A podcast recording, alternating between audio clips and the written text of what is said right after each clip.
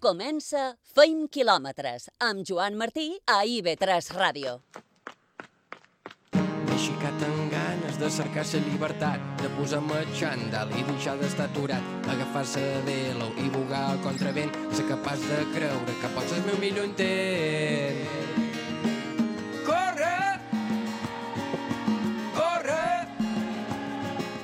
Feim ràdio i feim quilòmetres dilluns 25 de gener, programa 217.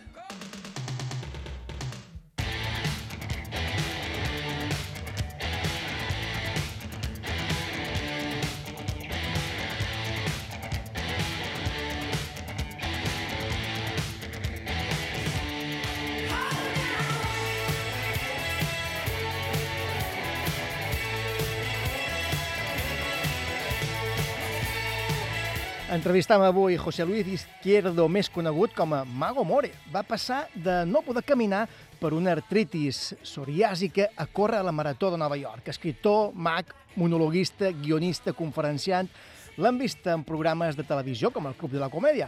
És col·laborador també de l'humorista José Mota i, entre d'altres coses, autor del llibre 12 superpoderes para gente normal. Parlarem amb ell.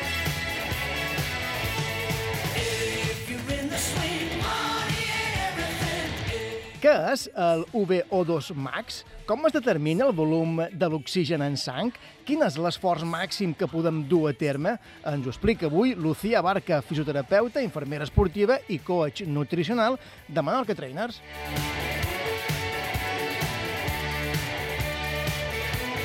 I a la sala de lectura ens endinsarem avui a l'univers de Yuko Mishima, el genial escriptor japonès. Com de la seva literatura, volia fer ell del seu cos una obra mestra, fins a convertir-se en obsessió malaltissa.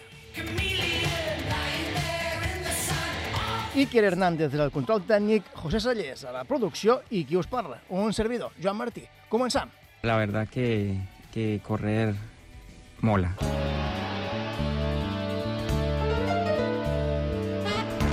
Maratón es una cosa que es una meta como bastante grande, ¿no? Amplia. Entonces, ¿qué hago? Pues en vez de plantearme que voy a correr 42 kilómetros, me planteo que voy a correr 10. Entonces, ¿cuándo me lo planteo? Pues de aquí a tres meses o de aquí a seis meses. Y una vez que has corrido 10, tu siguiente meta es correr 20. Y luego ya tu siguiente meta es correr un maratón. Pero si tú te enfrentas a la meta así de golpe, al final no haces nada, te quedas absolutamente paralizado. Lo que tienes que hacer es entrenar, entrenar, entrenar, conseguir músculo y esa fuerza de voluntad, ¿cómo se consigue? Pues a través de los hábitos. Cuanto más hábitos vas haciendo, más vas entrenando esa fuerza de voluntad. Y es una cuestión de hábito, hábito, hábito y hábito. Bien, excursionistas, arriba. Despertad y no olvidéis los descansos porque hoy hace frío. Hace frío todos los días. ¿Dónde creías que L'entrevista. They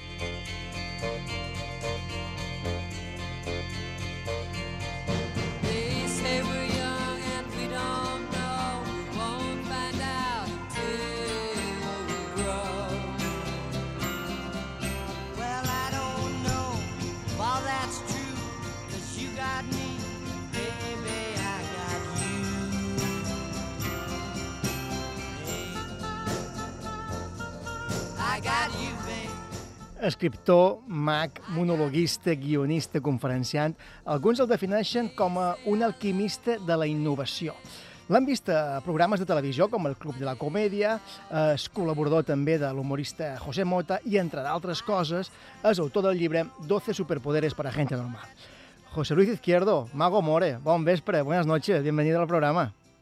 Buenas noches. Bueno, encantado de estar aquí acompañando. Me encanta todos los titulares y todo lo que vais a contar esta noche, que lo sepas. Eh, Mago, Mago More, escuchábamos ahora algunos de tus consejos eh, que para conseguir un objetivo, como por ejemplo preparar una, una maratón, ¿no? Eh, para, para salir a correr un día se necesita, comentas, en primer lugar motivación, ¿no? Eh, para correr una larga distancia ya se necesita un poquito más, ¿no? Se necesita sobre todo fuerza de voluntad.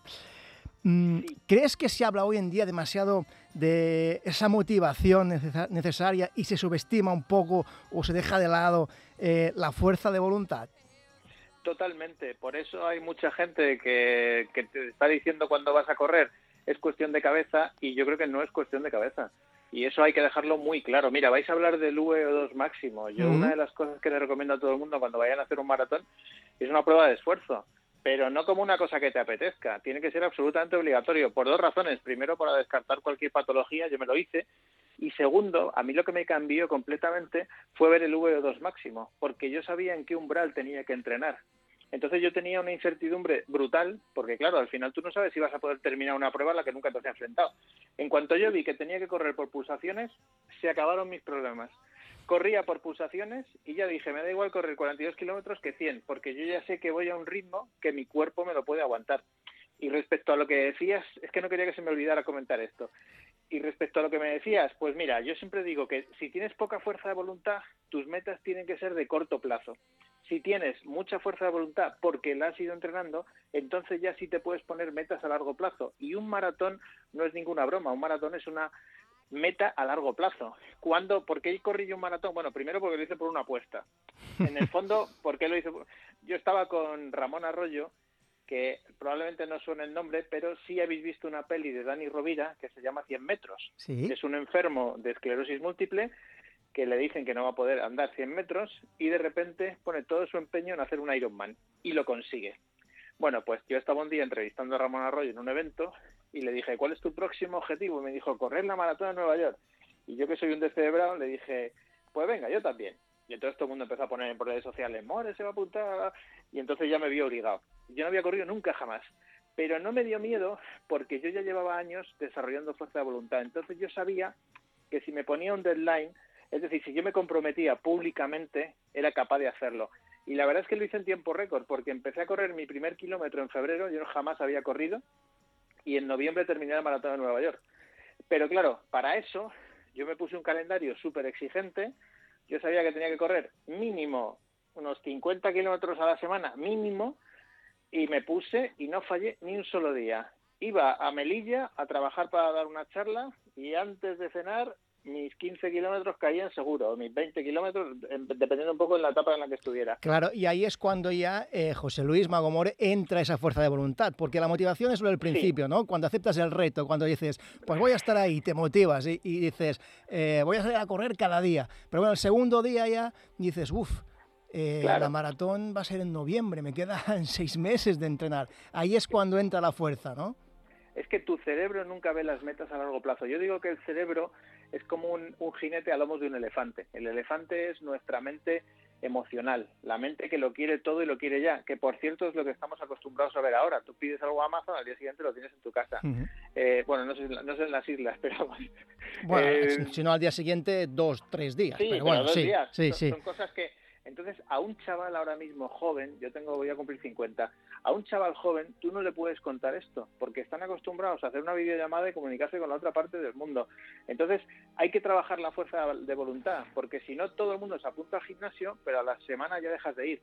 ¿Y por qué dejas de ir? Porque no tienes entrenado a tu jinete. Tu jinete, que es el que va a lomos del elefante, es el que maneja el elefante, que es tu, tu memoria emocional o tu cerebro emocional. Y necesitamos además ponernos trampas, eh, mm, retardar la gratificación. O sea, que, que no lo queramos todo y lo queramos ya, que si te apetece comprarte algo, de repente digas, me voy a esperar una semana, pero como ejercicio. Porque si no haces eso, eres incapaz de ver metas a largo plazo y todo lo que te hace feliz en la vida son metas a corto y medio, o sea, perdón, a medio y largo plazo. Entonces es fundamental. Yo desde que he cambiado el enfoque y me he dedicado a trabajar la fuerza de voluntad, pero pero eso es muy importante. Cuando llevas un año trabajando hábitos, ya te puedes tirar a metas un poquito más ambiciosas. Si no llevas mucho tiempo, olvídate porque no lo vas a hacer. No vas a tener fuerza de voluntad suficiente. Tu jinete no está entrenado. Este es el verdadero problema. Entonces, cuando, cuando la fuerza de voluntad empieza a decaer, es ahí cuando eh, tienen importancia, cobran más importancia eh, los hábitos ¿no? en la consecución de los objetivos. Claro, yo, yo tenía muchos hábitos ya marcados. Yo siempre había empezado hábitos años atrás y dejé de hacerlos hasta que me puse a escribir el libro en serio. Entonces hay una frase que me encantó que es de un, de un empresario americano que dice que cuando escribes un libro te tienes que convertir en ese libro, porque es una manera de comprometerte con los lectores. Entonces yo dije, no, no, tengo que cumplir a rajatabla todo lo que estoy contando, si no sería un impostor. Y entonces eso fue un gran proceso de transformación, porque empecé a hacer hábitos, apuntarlos. Por eso es tan importante apuntar los hábitos. En el caso, por ejemplo, de correr un maratón, no vale con decir cuántos días he corrido, tres o cuatro. No, no, eso no vale. Tienes que tener un calendario y tienes que apuntarlo. No es lo mismo tres que cuatro.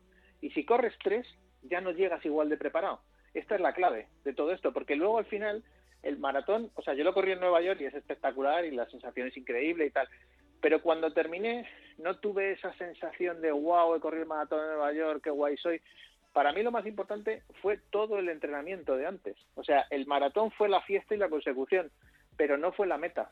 Para mí la meta fue el haberme comprometido conmigo mismo, porque date cuenta que cuando tú haces un hábito, en el fondo es como, co- como un compromiso contigo mismo. ¿Sabes? Entonces no puedes fallar a tu compromiso. Y por eso hay que apuntarlo. Es tan importante apuntarlo. Es súper importante. Claro, y en todo, y, todo eso, y ahí quería llegar, en, en tu, en tu caso tiene incluso un, un valor aña- añadido, ¿no? Porque eh, sí que la fuerza de la voluntad eh, tiene, es muy importante, pero no lo es todo. Eh, ¿Cómo consigue una persona con artritis psoriásica, que ahora nos vas, vas a explicar, eh, creo que apenas podías apoyar los pies eh, en el suelo, ¿no? Por, esos problemas de, la piel. ¿Cómo, cómo consigue una persona con este problema eh, correr una maratón? Y no solo eso, correr la maratón de Nueva York y terminarla. Pues, pues mira, me pasó una cosa y es que yo tenía psoriasis hacía mucho tiempo, ¿no? Entonces, de repente un día empecé con dolores en los pies. Tenía molestias en la espalda, los hombros, pero nunca había relacionado todo eso. Y me hice unas plantillas. eh, es muy gracioso porque fui a un podólogo que me dijo, yo soy el, me dijo, vete a mi, a mi amigo que es el podólogo del Madrid. Y yo llegué allí, tenía fotos con los jugadores y tal. Me hice las plantillas, me dejaron de funcionar. Fui a otro podólogo, que también me dijeron que era el podólogo del Real Madrid. Efectivamente, llegué y tenía fotos con los jugadores. Nada. Fui a cinco podólogos del Real Madrid. Todos eran podólogos del. Real Madrid, ¿no? Y un día estoy en una charla en la revista Emprendedores y le digo a un tío que tengo al lado muy simpático, digo, ¿a qué te dedicas? Me dice, soy podólogo. Digo, no te lo vas a creer, pero he ido a, he ido a cinco podólogos de Real Madrid. Y me dice el tío, dice, no te lo vas a creer tú, pero yo soy el podólogo de Real Madrid. y, y efectivamente, fui allí, me citó en Valdebebas, salí a Zidane, o sea, era, era, era el Era- del él sí que lo era, ¿no? Claro, entonces yo sabía ya que tenía unas buenas plantillas y me seguían de los pies era una cosa extraña. Entonces me diagnosticaron artritis psoriásica, que para el que no lo sepa es eh, una enfermedad de estas que llaman invisibles, porque por fuera estás bien, pero por dentro te mueres del dolor. Yo no podía cerrar la mano, no podía ponerme un jersey ni afeitarme porque no podía levantar el brazo. Cada vez que pisaba era como pisar chinchetas, era horroroso. Y estuve durante años buscando algún médico para ver la causa de esto que me pasaba, porque me daban pastillas y pastillas y pastillas. Y al final, con un cambio de alimentación, es un problema de intestino, y lo que hice fue cambiar la alimentación, que eso me costó como un añito. Eso sí que es un cambio de hábitos duro, ¿eh? La alimentación para mí es lo más duro que hay. Y después me repoblé con probióticos y me tomo unos probióticos espectaculares. Y si tengo el intestino a raya, no tengo ningún dolor y hago vida normal.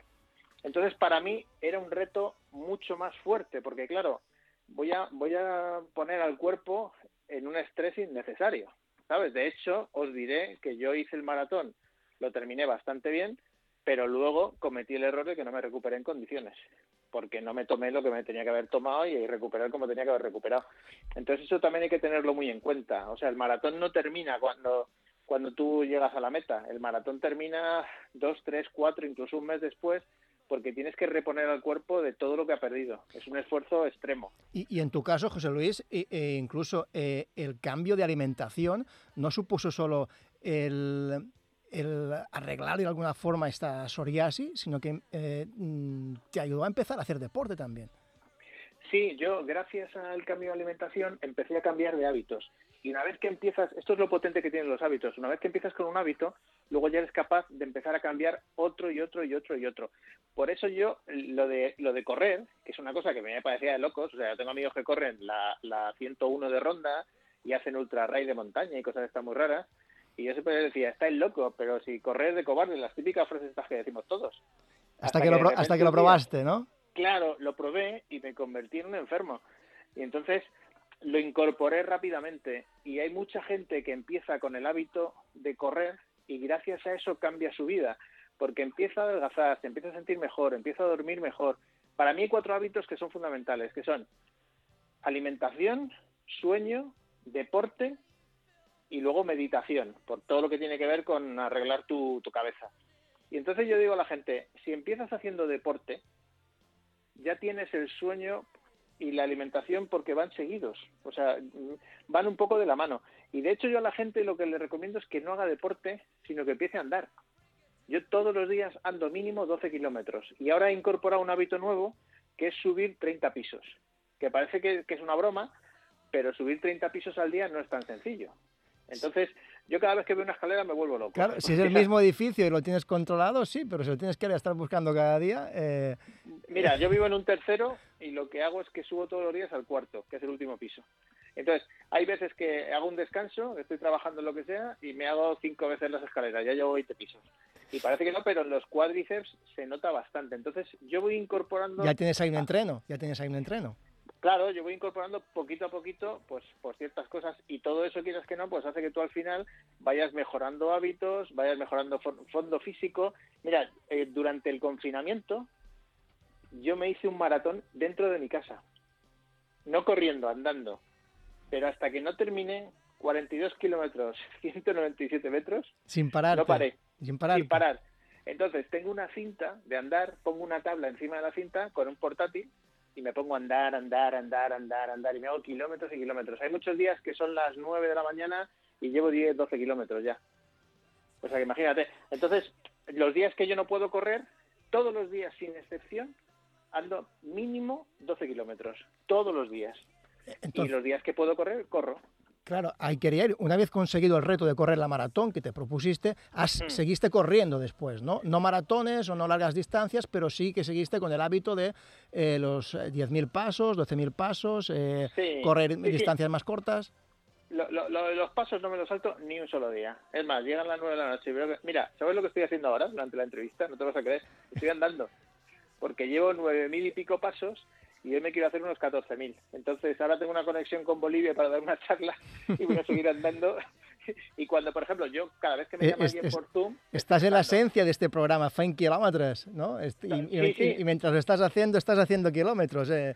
Totalmente. Y mis llamadas telefónicas a veces son dos, tres kilómetros. Y cuando quedo con la gente, quedo a andar.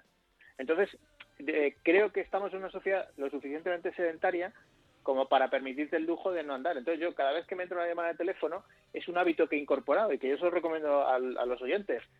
Cada vez que te llaman por teléfono, tienes que pegar un bote y empezar a hacer la llamada de teléfono, aunque sea por el pasillo. Porque es increíble la cantidad de pasos y sobre todo lo que te lo agradece tu espalda, porque no estás sentado todo el rato, estás todo el rato haciendo pasos. Eso también es Entonces, cierto. Eh, Claro, eh, yo No, que te, quería- te quería preguntar, que hablabas antes de, de la importancia de, de la nutrición, de la importancia del deporte, de la importancia del sueño, del dormir bien, eh, tanto como, como el entrenar, ¿no? También. Eh, ¿Crees, Mago More, que mm, prestamos poca atención al, al cuerpo? muy poca. O sea, de hecho, fíjate, venía hablando ahora con un amigo y veníamos hablando de Marcos Llorente. Yo soy del Atlético de Madrid, ¿vale? Y entonces conozco bien a Estarás contento, estarás contento ahora, pues. Sí, la verdad que... Pero ojo, que esto, ha- esto no ha terminado todavía, hay que con el Atlético de Madrid. No, no, claro, claro. sí. Ya sabes que no partido a partido, está- partido a partido. Efectivamente. Mira, lo de la filosofía de partido a partido, al margen de ser del Atlético de Madrid, me parece que es una muy buena filosofía. El hecho de ir mirando siempre la meta del día siguiente, siguiente, siguiente, siguiente. Es decir, tú, yo siempre digo, mira con, con prismáticos, pero avanza con microscopio. Es decir, tú tienes la meta ahí a lo lejos, pero tienes que ir andando poquito a poquito. Entonces hablaba de Marcos Llorente. Eh, Marcos Llorente cuida extremadamente la alimentación. Sí, hay uno, hay ah, claro, hay uno intermitente además, Marcos Llorente. Claro, yo por ejemplo hago ayuno intermitente también. Yo hago ayuno 16-8 porque desinflama muchísimo. Bueno, el último premio Nobel de Medicina eh, hablaba de ayuno intermitente. Y yo le digo a la gente, empieza aunque sea 12 horas, pero fíjate, hablando del sueño, la mayoría de la gente no es capaz de hacer un ayuno de 12 horas, que en el fondo es cenar tres o cuatro horas antes de irte a dormir, que es lo que recomienda todo el mundo. Entonces la mayoría de la gente dice, es que duermo mal. Digo, oye, macho, si te metes en la cama recién cenado y tienes pantallas azules y no se ve la melatonina, pues obviamente duermes mal. Si encima le añades que estás con el teléfono hasta el último minuto, pues claro, así no descansas. Si no descansas, no trabajas. Si no trabajas, estás de mala leche. Si estás de mala leche, no duermes. Y al final es la pescadilla que se muerde la cola. Entonces, yo creo que el cuerpo, tenemos un único cuerpo, pues habrá que cuidarlo. ¿Y sabes lo que va a pasar? Otro que es extremadamente cauteloso con esto es Cristiano Ronaldo. Entonces tú ves la forma física que tiene Cristiano la edad que tiene y es alucinante. Bueno, el propio Sergio Ramos igual. Entonces, Marcos, que ahora mismo es un chaval que tiene veintitantos, no hay más que ver cómo corre, o sea, es una máquina, el tío, es, increíble. Pero es que cuando tenga treinta y tantos, todos sus compañeros van a estar fondones y él va a seguir estando con una máquina porque se cuida extremadamente. Y al margen de ser un deportista de élite, yo hay, hay una frase del doctor Anitua, que es amigo mío, es un doctor de Vitoria que es espectacular. Este, este fue el que hizo, el que inventó lo de los factores de crecimiento, que ayudó a Nadal en, en su lección de, de tendones. Y él dice una frase muy buena y es que toda la gente que trabaja en empresas o que tiene un ritmo de vida muy estresante, o sea, el 100% de todos nosotros, y él dice, si trabajas como un deportista de alto rendimiento, te tienes que cuidar como un deportista de alto rendimiento. Gran verdad también, ¿no? Es que es incontestable, es decir, estamos todo el día machacando al cuerpo, pero luego no le damos buena gasolina, no comemos bien, no descansamos bien. El ser humano no es sedentario, el ser humano Está hecho para moverse. Esto claro, está- para está- moverse está y para claro. cazar. Y Ujú. desde luego ir al supermercado no es cazar. Entonces, y por supuesto, está hecho para hacer ayunos. Porque si te das cuenta, nosotros ah, el- cuando conseguíamos caza, comíamos y cuando no conseguíamos caza, pues no comíamos. Está hecho para pasar frío, para pasar calor. Yo, por ejemplo, probé el método de Wim Hof, no sé si lo conocéis. No. Eh, bueno, pues esto es un temazo para ti.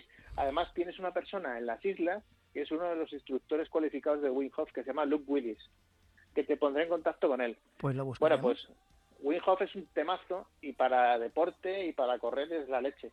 Es un tipo holandés que se dio cuenta de que con el frío mejoraba muchísimo el sistema inmune. Entonces, él tiene todos los récords del mundo en nadar en frío, correr en frío, eh, se mete, se inyecta una endotoxina y es capaz de aguantar y no enfermar. O sea, es, una- es un tema. Lo que pasa es que no te quiero hablar de Wim Hof porque nos podemos tirar tres No, horas no. Pero Eh, míratelo, míratelo y además tienes eh, Met- el método, Win- el método, ¿cómo es? Wim Hof, que, que lo, que lo mire la gente que nos está escuchando. Wim es W-I-M y luego Hof es H-O-F-F. Pues este, mira, eh, mira que hemos tratado temas y métodos y aquí en este programa no lo hemos tratado. Eh, Pues mm, te va a fascinar porque tienes además a Luke, que es un instructor que vive en Mallorca y que viaja muchísimo enseñando el método a la gente. Yo estaba metido en una bañera de hielo Wim Hof. en invierno. Lo, lo- lo vamos a invitar aquí, claro que sí. Y tiene Eh, todo que ver con la respiración. Entonces es un método que ahonda mucho en la respiración. Y los documentales que hay de Wim Hof en, en internet son apabullantes, o sea, no, no das crédito. Nos hemos ido a Marcos Llorente, nos hemos ido a Cristiano Ronaldo, a Sergio Ramos, hablando de, de ayuno intermitente. Te quiero presentar a mi compañero José Sellés, que también ha salido tu libro, 12 Mm. superpoderes para gente normal. Y también quiero hacer esta pregunta, José, con vulguis. Sí, pues yo, yo quería preguntarte, eh, de- hablas de muchísimas cosas en el libro, hablas de psicología, hablas del tema de los objetivos concretos en el espacio, en, bueno, en el tiempo. Eh, yo quería preguntarte, eh, mientras escribías, eh, ¿cuál de los consejos que das en el libro o cuál de los hábitos que, que plasmas en el libro te costó más y te ayudó más? Me- medio me lo has contestado con el tema de la, alimen- de la alimentación, pero ¿cuál te ayudó más? Pues mira, eh, a mí me ayudó mucho la meditación, muchísimo, pero creo que es el más complicado, porque creo que antes hay que pasar por otros.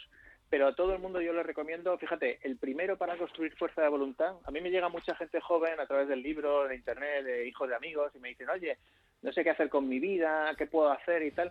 Y siempre les digo lo mismo, demuéstrame durante un mes que andas 10.000 pasos al día. Todos te dicen lo mismo, todos los chavales. Sí, sí, sí, eso está tirado, 10.000 pasos, ¡guau! Eso está tirado pues de, imagínate que me responden un 3% de toda la gente con la que yo hablo, porque al final no es tan sencillo. Y es lo que hablábamos, la fuerza de voluntad es marcarlo todos los días. Yo siempre les digo, mándame un pantallazo de tu móvil con los 10.000 pasos. A la semana ya dejan de mandártelo. Entonces, creo que para mí el de los 10.000 pasos es muy importante, primero, porque ¿por qué te va a construir la fuerza de voluntad? Porque un día estás en tu casa, llevas 8.500, son las 11 de la noche, y te da una pereza tremenda y entonces sales y te das una vuelta a la manzana. Eso es la milla extra, eso es lo de voy a dar un poquito más. Eso yo lo utilizaba mucho, por ejemplo, cuando estaba, cuando estaba entrenando. Imagínate, la primera vez que yo me hice 10 kilómetros, yo venía de no correr nada, no había corrido en mi vida, y de repente me hago 10 kilómetros. Entonces al día siguiente yo decía 10 kilómetros, venga, 500 metros más, porque al final 500 metros más son 500 de ida y 500 de vuelta, es un kilómetro más. Claro, y ese plus siempre te, siempre Claro. te da un poquito más. Y luego también se nota en la, en la forma física que vas adquiriendo. Bueno, claro, por ejemplo, yo una de las cosas que cometí un error, que, que no quiero que se me olvide, es hay que hacer pesas. y hay que hacer core. Y eso se lo digo a todo el mundo. Yo cuanto más rápido he ido, cuando mejor he estado, es cuando tenía el cuerpo mucho más mm, definido y había hecho más pesas. Porque al final tú te piensas que, que el maratón es solo correr. Y, y ¿sabes qué pasa? Que cuando vas por el... Bueno, que os voy a contar a vos- a vosotros, que sois especialistas. cuando vas por el kilómetro 25 o el 30, el cuerpo se te Si, desmonta. si no tienes un buen core y no, y no estás bien preparado físicamente... Y eh, te lo cuentan mil veces. Y tú dices, Claro. bueno, pero ¿qué más, ¿qué más darán las abdominales? Y sí, te das cuenta que empiezas a pisar como no tenías que pisar y el cuerpo se va para todos los lados. Entonces, para mí, el más importante es el de los 10.000 pasos de lejos. Hmm. Te ayuda a construir la fuerza de voluntad, te empieza a cambiar por completo todo ese esa relación que tú tienes con el deporte, porque quieras que no, al final dar tantos pasos todos los días te mantiene en una forma física estupenda. Hmm. No solamente a nivel de peso, sino glucosa en sangre, colesterol, hipertensión, o sea, hay, hay un montón de, de beneficios que obviamente te da el correr, pero que si no puedes correr, pues por lo menos anda. Entrevistam a José Luis Izquierdo, més conegut com a Mago More. Eh, va passar ell de no poder caminar eh, per una artritis psoriàsica que afectava s- eh, la pell de- del seu cos fins i totes les plantes del peu a córrer una marató, com explica, com explica ara. Ell és escriptor, és mag, és monologuista, guionista, conferenciant, Ah, fa, fa- un parell d'anys va publicar aquel llibre, 12 superpoderes para gente normal. Eh, Mago More, hacer deporte, salir a correr, mm, sabemos que genera endorfina, serotonina, genera dopamina, que son tres hormonas, como bien sabes, que provocan un estado de, placer ¿no? y bienestar. Pero tú también hablas de, eh, mm, de la oxito- oxitocina. ¿m? ¿Qué, qué- qué es la oxitocina? Bueno, hay un libro fantástico de Paul Sack que se llama la, el, Oxitocina, no, no recuerdo mismo el título, lo tengo en la bibliografía. me, me leí entero el libro para ver si podía poner un párrafo de la oxitocina. Y la oxitocina es una hormona que se genera cuando ayudas, al- cuando ayudas a los demás. Y entonces, siempre que ayudas a los demás, te sientes muy, muy bien. Es la hormona del parto. Cuando las madres dan a luz, pues generan oxitocina porque traen un bebé al mundo. Entonces, eh, yo siempre digo que una de las cosas que más rollo te da es ayudar a los demás. Tú fíjate, con el libro, me escribe muchísima gente a cuenta de la artritis psoriásica y yo, que estoy bastante liado, que me, me cuesta mucho atender a, a clientes y demás, siempre guardo un momentito para ayudar a gente que ha pasado por lo mismo que yo, porque creo que es una obligación. Y en el fondo yo creo que lo hacemos de una manera egoísta, porque generamos oxitocina y nos sentimos bien. Entonces, siempre hay que echar una mano a los demás, siempre. Claro, esto, esto, esto siempre. Eh, y además generamos esta, esta hormona, la oxitocina, y si salimos a correr ya, eh, la endorfina, la serotonina, la dopame- dopa- dopamina y todo lo que haya. Eh, José Luis Izquierdo, Mago More, ha sido un placer tenerte hoy Nada, aquí ha en, el- mío, en de el- en verdad. el programa. Eh, nos apuntamos este método que nos has comentado, eh, del cual no hemos hablado y vamos a hablar, el Wim Hof. Y, y nada, un placer tenerte aquí y, y te seguimos. Muchas gracias y gracias por tu A testimonio vosotros. hoy. Venga, un abrazo. Un abrazo, hasta luego, adiós. Visca 20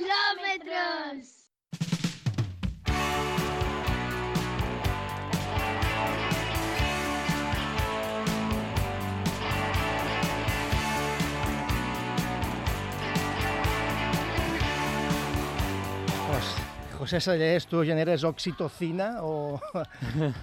Oxitocina Eh? cap als oients, no? Sí, i tant, sí, i tant. Sí, Escolta, uh, Wim Hof, l'han de tractar en el tema aquest, eh? Sí. Mira que han tractat temes en, uh, en Lucía i ara li demanarem per aquest tema, uh, però sí, l'hem apuntat i, i, en, i, i, en, i en parlam, en parlam. Per cert, eh, José, que crec que ha sortit avui, que ja hi ha data per ser Epic Trail uh, o per ser Menorca Epic Trail 2021. Sí, serà els dies 5, 6 i 7 de novembre. Hi haurà tres modalitats, trail running eh, EPI 360 de 160 km, experience 360 de 103 km i mountain bike 360 de 161 km. Les inscripcions a partir de 8 de febrer, Sí, Joan. encara no estan obertes. A partir de 8 de febrer Data important. eh, se poden començar a escriure. I ja tenim guanyador i guanyadora de, de Balears de Marxa. Sí, són Àlex Flórez i Xesca Caldentell, que s'han adjudicat aquest, aquest cap de setmana la 39a edició del Campionat de Balears de marxa en ruta. La prova dels 10 quilòmetres. Flórez ha aturat el cronòmetre en 47 minuts i de 9 segons i Xesca Caldentell en 1 hora, 7 minuts i 52 segons. José, si t'assembla, fem ara una aturada per la publicitat i tornant tot d'una. En parlàvem eh, abans, eh, quan ha començat el programa, i que José Luis Magomore mm, li ha semblat interessant. Què és l'UVO2 max? Com es determina el volum en sang, o el volum de, de, de l'oxigen en sang? En parlàvem tot d'una, amb Lucía Barca.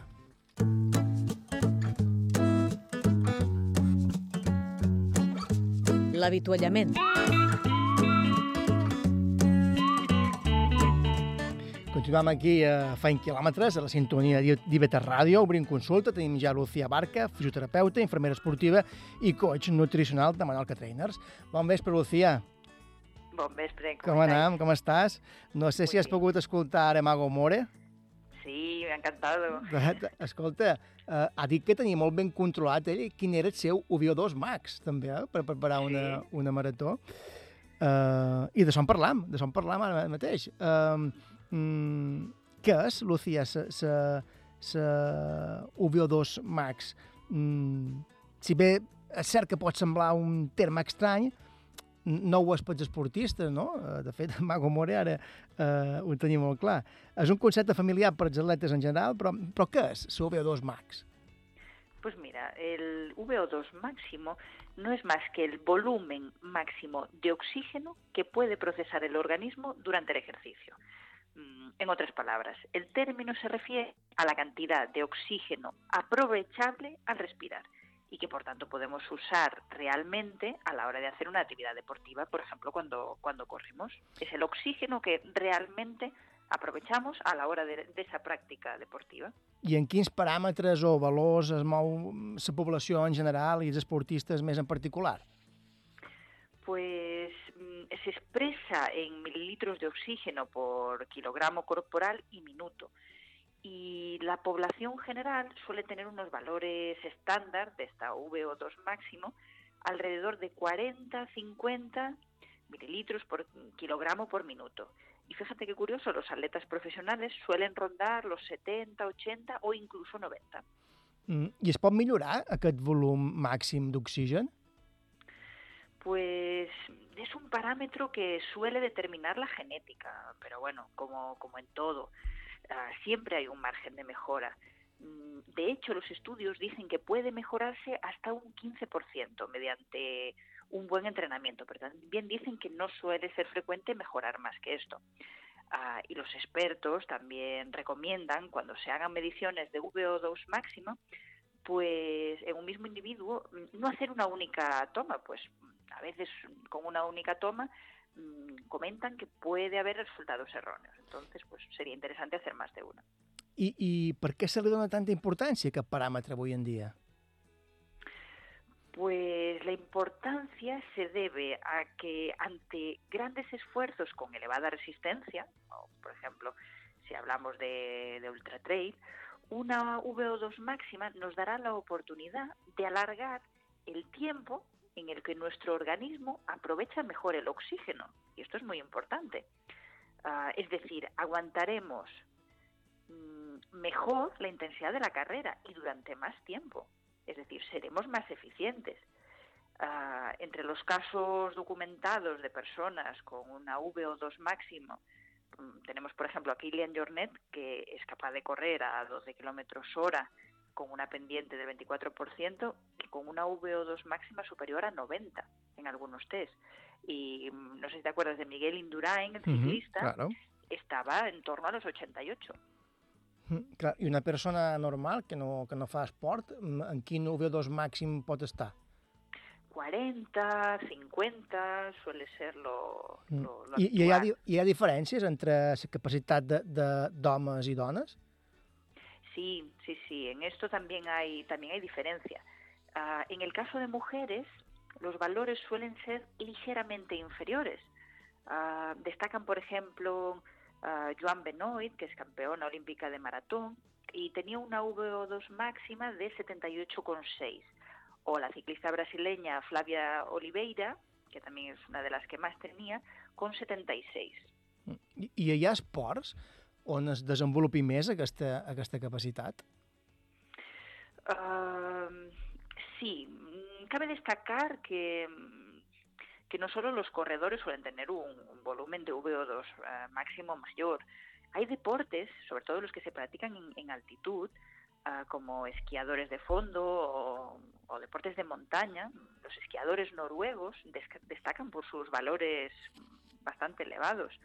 Y luego es muy curioso porque por otro lado, eh, por ejemplo, los jugadores de fútbol, a, a pesar de, de practicar un deporte con, con, con gran amplitud de movimiento y, y esfuerzo, destacan por poseer unos valores bastante bajos de, de VO2 Ujú. máximo. Es curioso.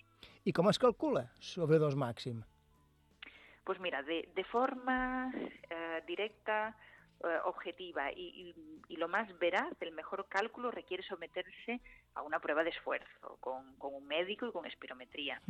Ah, sin embargo, existen algunos test que nos ayudarían a estimarlo, como por ejemplo el, el test de Cooper, mm, que dice correr, eh, hacer carrera durante 12 minutos seguidos a la mayor velocidad posible, ah, donde es importante contar el total de metros recorridos en ese tiempo. Sería interesante, por ejemplo, hacerlo en una pista de, de atletismo.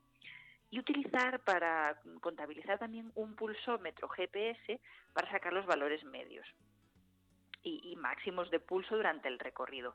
Y luego se podría aplicar la fórmula de VO2 máximo, que sería 22,351 por la distancia recorrida en kilómetros y menos ah, 11,288. Mm, No, no es el cálculo más sencillo, pero bueno, nos podía dar una estimación. Ah, y como curiosidad, fíjate, Joan, los hombres no profesionales de entre 17 y 19 años con un test de Cooper excelente llegan a correr hasta 3 kilómetros en, en solo 12 minutos. Y los profesionales son capaces de rozar los 4 kilómetros en el, en el mismo tiempo. Això sempre tenint en compte que tu VO2 max, eh, màxim, no? Mm, en qualsevol cas, el més ideal, eh, mm, si volem fer feina, entrenar sabent quin és el VO2 màxim, eh, el més ideal i el que hem de fer és contactar amb un especialista en medicina esportiva i fer, ja sigui el test de Cooper o fer aquesta prova d'esports perquè es determini de manera exacta quina és aquest, aquesta capacitat que tenim nosaltres, no? Sí, yo creo que lo mejor para quien quiera conocer su VO2 2 máxima es visitar a, a un médico, un especialista en, en medicina deportiva y que él nos haga, nos haga un, un estudio que también eh, lo decía José Luis antes, ¿no? Prueba de esfuerzo y un estudio es, es imprescindible para ir con seguridad y, y luego también sacar el, el mejor rendimiento posible a la actividad deportiva. Sí, i a part de conèixer amb aquesta la prova d'es- de- d'esforç quin és el nostre UVO2 màxim, eh, no, hi és, no hi és mai de més fer una prova d'esforç que ja, ja que som ho recordam, que està bé fet-se-la cada any. Sí, sí, porque mm, aparte que nos va a dar eh, valores muy interesantes sobre nuestro estado de salud y podemos aprovechar esos datos que nos den para ser más eficientes, mm, nos va a proteger y y nos va a alertar si hubiera algún problema de salud que, que no detectemos eh, pues eh, en nuestro día a día y, y eso es muy importante, ¿no? Porque hacer deporte es maravilloso, pero siempre con salud y, y precaución. Això sempre. Lucía Barca, fisioterapeuta, infermera esportiva i coach nutricional de Manuel Trainers. Com sempre, un autèntic plaer. T'esperam la setmana que ve. Aquí estaré, claro que sí. Una abraçada. Una abraçada. Adéu, adéu. Converses per sortir a córrer. El llibre de Fent quilòmetres. Disponible a les llibreries. don't care.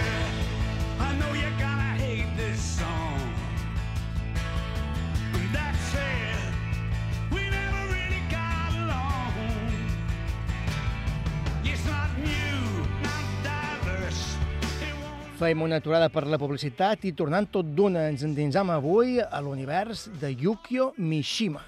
Feim quilòmetres.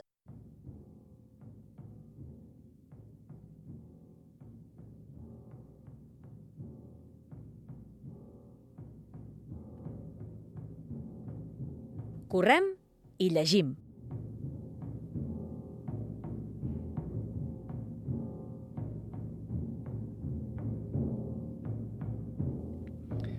Entrem ja a la sala de lectura, ens endinsam avui, com dèiem, en l'univers creatiu de Yukio Mishima, el gran escriptor japonès candidat tres vegades al Premi Nobel de Literatura. Escriptor, director cinematogràfic, actor de cine, model fotogràfic, va cultivar diverses di- disciplines, ara en parlarem.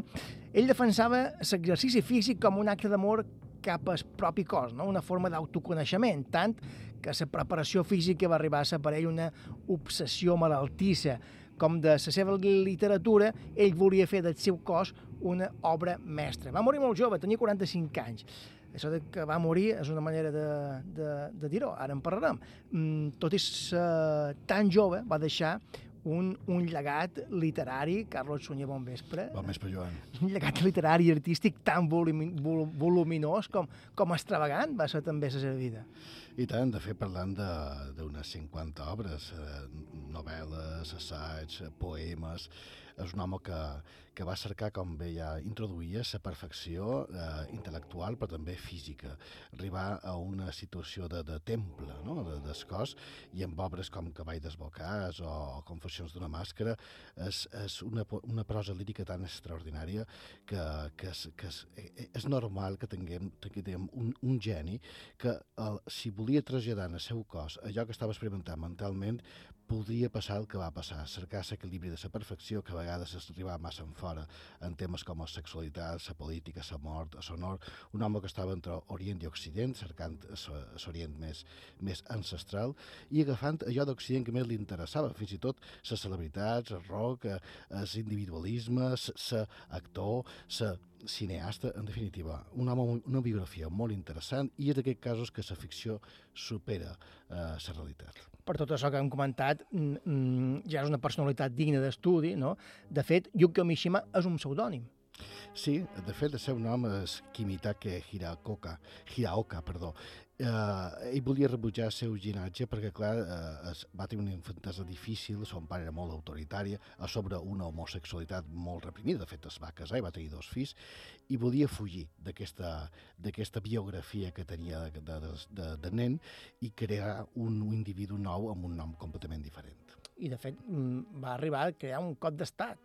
I tant. Va fer un cop d'estat. De fet, eh, aquest cop d'estat, eh, amb unes intencions posteriors, és a dir, ja, ja tenia ben planificat el que passaria, amb un exèrcit propi, amb uns uniformes propis, és a dir, que és una història Ara, ara hi arribarem. ass- assombrosa. Ah, ell, ell volia fer, com dèiem abans, de la, se- de la seva vida, com també de la seva literatura, una obra d'art, no? una obra sí. mestra. I això incluïa també el seu propi cos, no? cultivar el seu propi cos fins a arribar a una, una cosa ma- malaltissa, no? una obsessió malaltissa. Escoltem, si te sembla, un fragment del programa Informe Semanal de Televisió Espanyola titula- titulat Pasión y muerte de Mishima. Tratando de hacer de su propia vida una obra de arte y de sí mismo su mayor obra, Mishima tuvo una vida pública extravagante como escritor, director cinematográfico, actor de cine y culturista físico. Tenía la sensibilidad nihilista del hombre contemporáneo con dificultad para percibir su propia existencia. Mishima era el síntoma del malestar de una cultura como la japonesa de posguerra, atravesada por traumáticas contradicciones. Fue un gran repristinador de la vivencialidad tradicional nipona, a lo que le ayudó, aunque parezca paradójico, su gran conocimiento de los valores de la cultura occidental. Y así, su gusto por los desnudos y por el culturismo físico supuso una novedad respecto al arte japonés que nunca conoció, como en Occidente, la glorificación del desnudo. Clar, glorificació del cos per influència occidental, no? Arriba a ser fisioculturista, però a la vegada defensor també d'una ideologia tradicional nipona que no encaixa amb aquesta concepció de culte i obsessió malaltissa pel cos. Ell representa, representa també el trauma col·lectiu de, del Japó de postguerra, després d'aquesta Segona Guerra Mundial, que d'una manera o altra necessita eh, reinventar-se. Clar, perquè havien de recuperar la dignitat perduda, penso que estem a sonora a la cultura japonesa, especialment eh, eh, de la tradició, és, mo- és molt important. Però clar, ho fa de manera que havia de ser traumàtic per la societat mateixa, perquè en llibres com Tortura per roses, ell s'exhibeix, és un exhibicionista. Pràcticament eh, apareix nu a les fotografies exhibint aquest cos perfecte que tenia i estava molt treballat, o bé l'assaig al sol i, i, i l'acer, eh, que tracta d'aquesta forma física molt arrelada en la cultura samurai, de que es cosa és un temple. I aquesta perfecció corporal i muscular, etc., no només ho va desenvolupar el fisioculturisme, sinó també les arts marcials, en el kendo, que va arribar a ser molt bo, i el atletisme també, era un gran velocista. És a dir, que mm, era un impacte respecte al que estaven habituats a, a Japó, però també era una reivindicació del millor de Japó. És a dir, que era un home que, que va, fer, va passar pàgina. Eh, a la següent entrevista que ara escoltarem, Yuka Mishima explica aquestes contradiccions que comentàvem. Reflexiona també sobre la combinació entre la brutalitat i l'elegància de la cultura japonesa. No?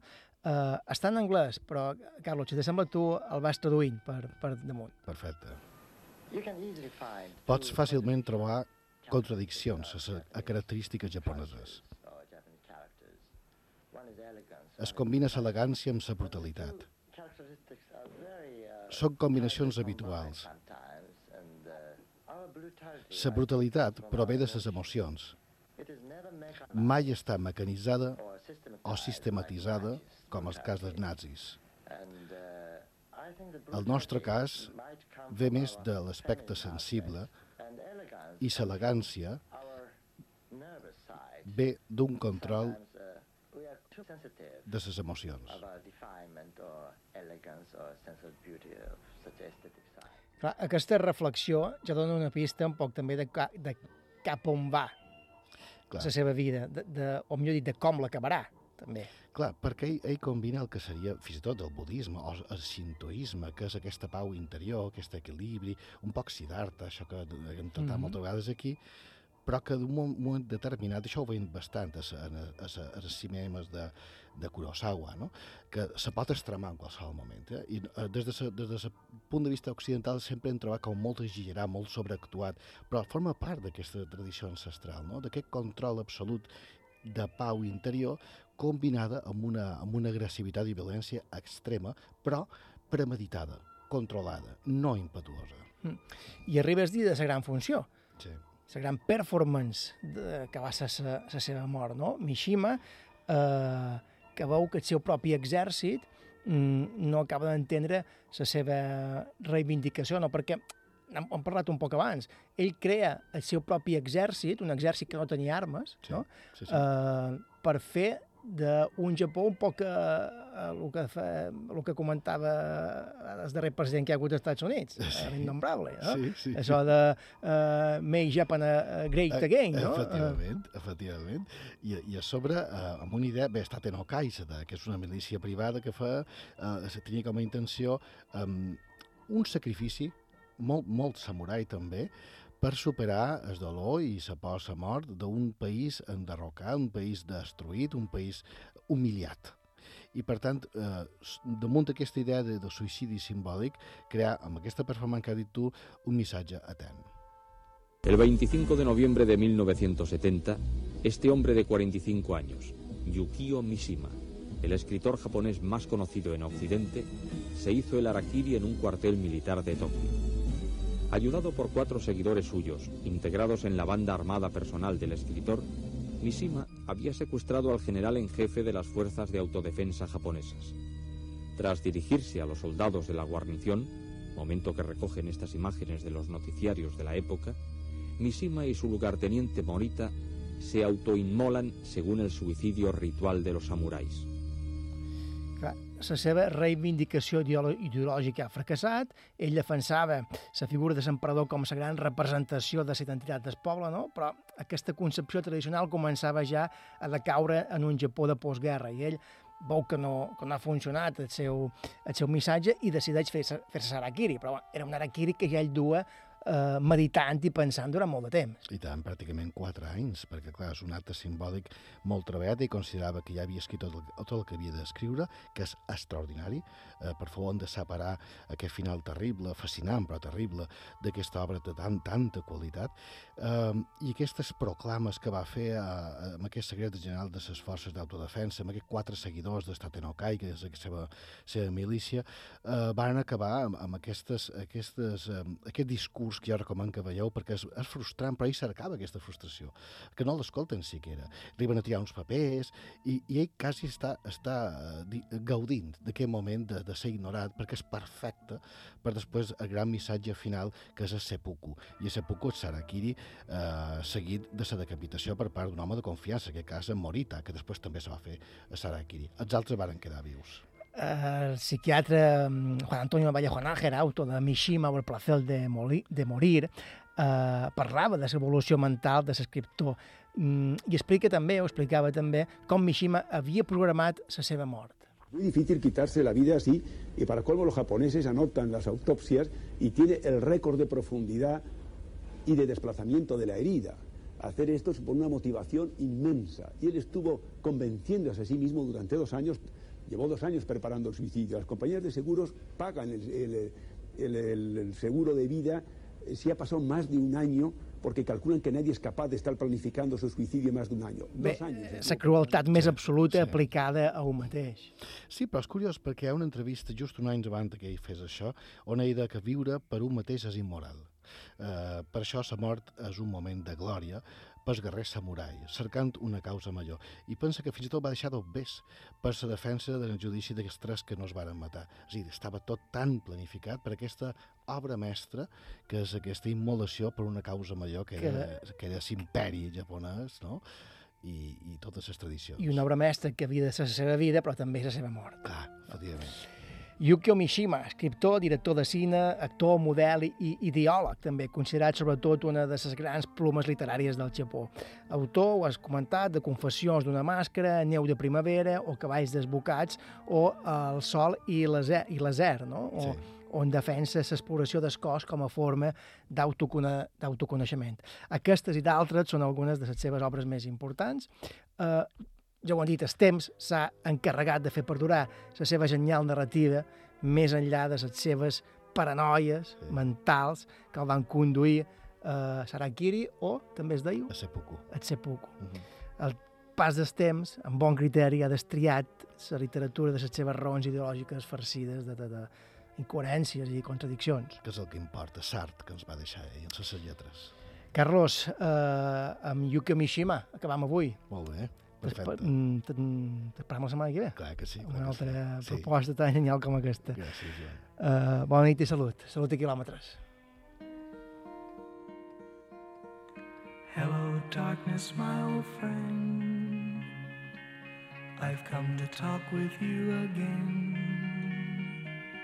Because a vision softly creeping left its seeds while I was sleeping.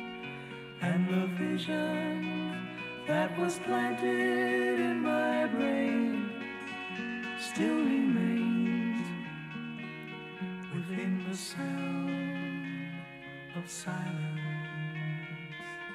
In restless dreams I walked alone,